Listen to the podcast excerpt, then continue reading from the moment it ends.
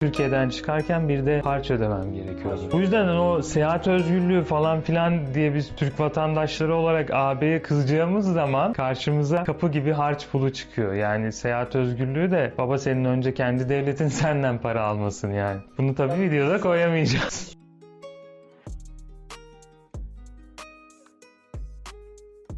Herkese merhaba. Merhaba Vahit. Merhaba Bekir. Vahit nasılsın? Nasıl olsun ya işte sokağa çıkma yasağı vardı ama bir yolunu bulup sana geldik yani. Kanka peki nasıl gelebildin? Kontrol falan yok muydu? Ya şöyle ben kontrol olur diye düşündüm. Kontrole denk gelmedim ama yine de ne olur ne olmaz iki tane atestasyon çıkardım. Peki evinden çıkıp bir yere gitmek için bir evraka, belgeye ihtiyaç duymak nasıl bir duygu? Hakikaten zor bir şey yani insan kendini ikna edemiyor böyle bir duruma. Düşün ki nereye gideceğine bir otorite karar veriyor ve hani bu şey değil. Bir ülkeden öbür ülkeye gitmiyorsun yani. Aynı şehirdesin. Evinden çıkıp başkasına gidiyorsun. Bir yerde çok saçma hissettiriyor bu. Sonra düşününce insan hani bu insan hakları evrensel beyannamesi var kardeşim seyahat özgürlüğü diye bir şey var diyorsun. Ve insan bir yerden sonra şunu da sorguluyor. Ya ben niye mesela normalde Türkiye'den Fransa'ya gelmek için de bir vizeye ihtiyaç duyuyorum ki? Niye serbest değilim? Devlet Fransızlar onların toprağı istediğini alır, istediğini almaz. Öyle değil mi? Aslında evet öyle ama şöyle bir durum var yani 80 öncesine kadar böyle bir vize uygulaması yokmuş mesela. Yani vize uygulaması yokmuş derken Türkiye ile Fransa arasından bahsetmiyorum. Bütün dünyada vize diye bir uygulamanın varlığı aslında çok yeni. Geçenlerde yaşlı sayılabilecek bir arkadaşımla konuşuyordum. İşte 80'ler döneminde Avrupa'daymış adam. Bir ülkeden öbür ülkeye giderken sorun yaşamıyormuş. Mesela İngiltere'den Fransa'ya git gel yaparken sorun yok. Fakat ne zaman Fransa Türkiye'ye vize koymaya başlamış bu sefer İngiltere'den Fransa'ya giderken veya Fransa'dan İngiltere'ye giderken bile bir vizeye, bir çıkış belgesine ihtiyaç duymaya başlamış. Ben bunu duyunca çok şaşırmıştım. Çünkü bana o kadar normal geliyordu ki vize uygulaması. Hani abi zaten az önce senin dediğin gibi ülke adamların kimin girip girmeyeceğine kendisi karar verir yani. O yüzden vize uygulaması normal geliyordu. Bunu duyduktan sonra bir araştırma yapmak istedim. Hakikaten de başlangıç olarak 80'lere 90'lara tekabül ediyor yani bütün dünyada yaygınlaşma olarak. 80'ler 90'lar aslında ekonominin tam anlamıyla küreselleştiği, küreselleşmeye başladığı yıllar değil mi? Yani küreselleşme ve vize uygulamasının aynı anda ortaya çıkışı bir çelişki değil mi aslında? İlk başta bana da öyle gelmişti. Çünkü hani küreselleşme diyoruz. Herkes bir yerlere istediği gibi gidebilecek diyoruz. Hatta ulaşım araçları da gelişiyor diyoruz. Böyle bir yerde vize uygulaması neden gerekiyor diye ilk başta düşündüm. Sonra o verdiğim son örnek bana cevap olarak geldi. Yani ulaşım araçları küreselleşme ile birlikte daha yaygın kullanılmaya başlanıyor ve bu ulaşım araçlarının yaygınlaşması, insanların bir yerden bir yere daha kolay gidebiliyor olması devletlerde, modern devlette tamamen kontrol refleksine uyandırıyor. Bir de bu dönemde şey görüyoruz yani 80'li yıllarda artık üretim süreci gelişmiş ülkelerden daha az gelişmiş ülkelere kaydırılıyor. İşte Çin gibi, Hindistan gibi ülkelerde fabrikalar açılmaya başlanıyor veya daha az gelişmiş ülkelerde, iş gücünün daha ucuz olduğu ülkelerde üretime yönelik yatırımların arttığını görüyoruz. O yüzden gelişmiş devletler kendilerine iş gücü almak yerine iş gücünün ucuz olduğu yerlere fabrika açmaya başlıyorlar. Yani o 60'lı yıllarda işte Türkiye'den Yunanistan'dan işçi göçü için teşvik yapan Avrupa'nın 80'lerin sonunda 90'lı yıllarda özellikle artık şeye başladığını görüyoruz. Sınırlarını dışarıya kapatmaya, iç pazarda mobiliteyi arttırmaya başladığını görüyoruz. Bunun bir amacı da o aslında. Yani artık iş gücüne bir doygunluk var. İş gücü için gelenlerin içerideki refahı bozduğunu görüyoruz. Özellikle işte Sovyetlerin yıkılmasından sonra bin bir çeşit insanın Berlin'de doluşması gibi. Son 30 yıldır, 40 yıldır devletler kendi egemenlik alanlarına girenleri kontrollü bir şekilde gelmesini sağlayabilmek için vize uygulamasını ortaya çıkardılar. Peki daha öncesinde vize uygulaması neden yoktu? Daha önce devletler bu kontrolü sağlamak istemiyor muydu? Önceden devletler kendilerine gelenleri kontrol etmek yerine kendilerinden çıkanları kontrol etmeye daha hevesliymiş. Bize en nihayetinde bir nüfus kontrolü mekanizması ve nüfus dediğimizde senin için iş gücü anlamına geliyor, asker anlamına geliyor veya gerçekleştireceğin diğer politikaları da bunlara göre yaptığın için nüfusu kontrol etmen modern devlet için çok hayati bir olgu oluyor. Ya mesela şeyden bahsettik ya Soğuk Savaş videosunda Doğu Berlin ile Batı Berlin arasında insanlar önceden gidip gelebiliyorlardı. Fakat ne zaman ki Doğu Berlin'dekiler ya bu nüfus batıya kaçmaya başladı artık geri de dönmüyorlar diye fark ettiğinde Doğu Berlin ile Batı Berlin arasında duvar örmeye kadar varacak dışarı çıkış tedbirleri vizeleri uygulamaya başladılar. Evet vize yoktu. Vize işte 30-40 yıllık bir hikaye diyoruz ama o dönemde insanlar neyle seyahat ediyordu? Yani pasaport da mı yoktu? Pasaport vardı. İşte pasaport aslında bu ülkelerden çıkışı kontrol etmek için ortaya çıkarılmış bir belge. Yani pasaportun varlığı da aslında Birinci Dünya Savaşı yıllarına falan tekabül ediyor. Hadi savaş bittikten sonra yaygınlaşıyor diyelim. İşte ilk ortaya çıktığı ülke galiba Birleşik Krallık olması lazım. Orada şey yapıyorlar hani ülkede yaşayan yabancı uyruklular ve ülke vatandaşları dışarıya çıkarken bir belge almak zorundalar. O belge işte pasaport diyorlar. Pasaporttan önce de yine bir ülkeden başka ülkeye giderken bir takım vesikalara ihtiyaç duyuluyordu. Ama bu ihtiyaç şu yüzden değildi. Atıyorum sen İstanbul'dan Paris'e gelen bir tüccarsın. Ya yolda polis kontrolü denk gelir, evrak mevrak sorar. Ona göstereyim diye aldığın vesikalar değildi bunlar. Sen İstanbullu bir tüccar olarak Paris'te ticaret yapmaya geldiğinde yaptığın bu ticaretin sultanın himayesinde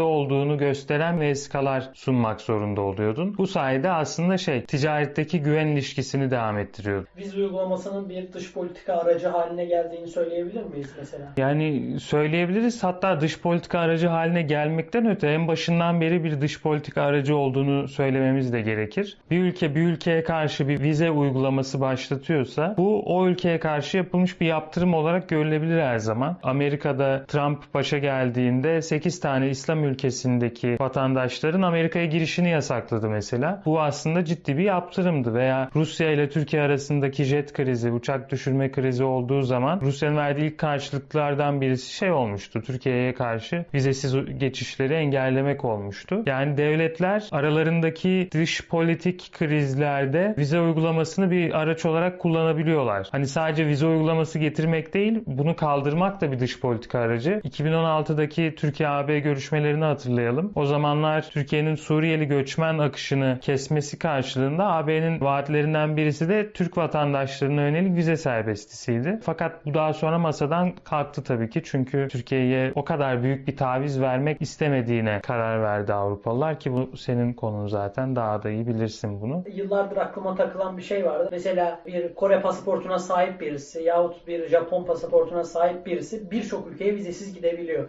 Aynen. Yani pasaportun itibarı olduğunu düşünüyorum ben bunun. Bu ne kadar bu kadar fark ediyor? Şimdi pasaportun gücü ülkelerin itibarını gösteriyor bir yerde. Bir yerde de işte dış politik ilişkilerini, dostane ilişkilerini. Dünyanın en güçlü pasaportu bir tahmin et bakalım nerededir? Japonya, Kore falan olabilir diye düşünüyorum. Çok yaklaştın. Biraz daha aşağılarda Yeni Zelanda dünyanın en güçlü pasaportuna sahip. Yani burada şunu görüyoruz. Niye Amerika'nın pasaportu en güçlü değil de Yeni Zelanda'nınki daha güçlü? Çünkü hani Amerika'nın süper güç olarak arasının iyi olmadığı ülkeler de var. Dolayısıyla o ülkeler Amerika'dan vize isteyebiliyor. Ama etliye sütlüye dokunmayan bir Yeni Zelanda olduğunda dünyanın en güçlü pasaportuna sahip olabiliyorsun. En güçsüz pasaportsa bir makalede şey diyordu mesela İsrail dünyanın en kullanışsız pasaportuna sahiptir. Çünkü şey 25 tane ülkede falan yani çoğunluğu İslam ülkeleri bunların. Eğer İsrail pasaportu taşıyorsan seni kabul etmiyorlar. İşte şeye bakmıştım İsrail'in vize ilişkilerine. Filanca ülke vize gerekir. Filanca ülke vize gerekmez 6 aya kadar durabilirsin. Filanca ülke hiçbir şekilde giremezsin yani. Giremediği ülkeler şey işte Bangladeş'e giremiyorsun. İsrail'in de çok da umrundaydı.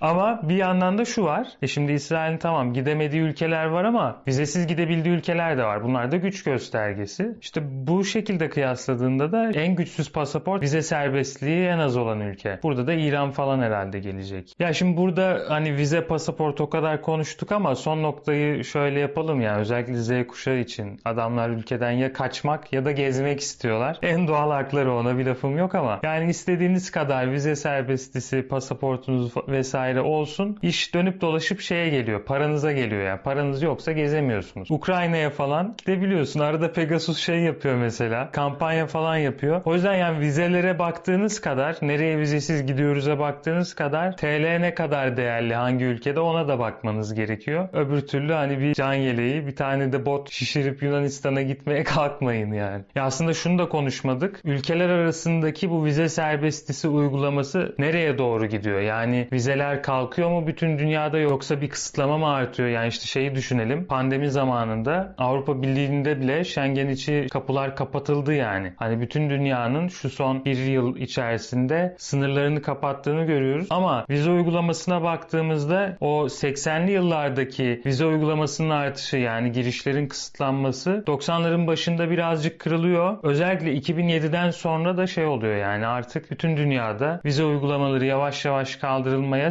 serbestlikler getirilmeye başlanıyor. Bence hani 2020'li yıllarda da böyle bir trend devam edebilir yani. Kısaca anlatmaya çalıştık. Keyifli bir şey olsun istiyordum ama çok keyifli bir şey olduğuma emin değilim. Onu siz artık karar vereceksiniz zaten. İzlediğiniz için teşekkürler. Yorum yapmayı, abone olmayı unutmayın. Bir de Patreon varmış ama artık abone olan oldu ya. Daha fazla bir şey gelir mi bilmiyorum. Gelirseniz ama güzel içerikler var. Hem Patreon'da hem YouTube üyelikte. Önümüzdeki videolarda görüşmek üzere. Hoşçakalın.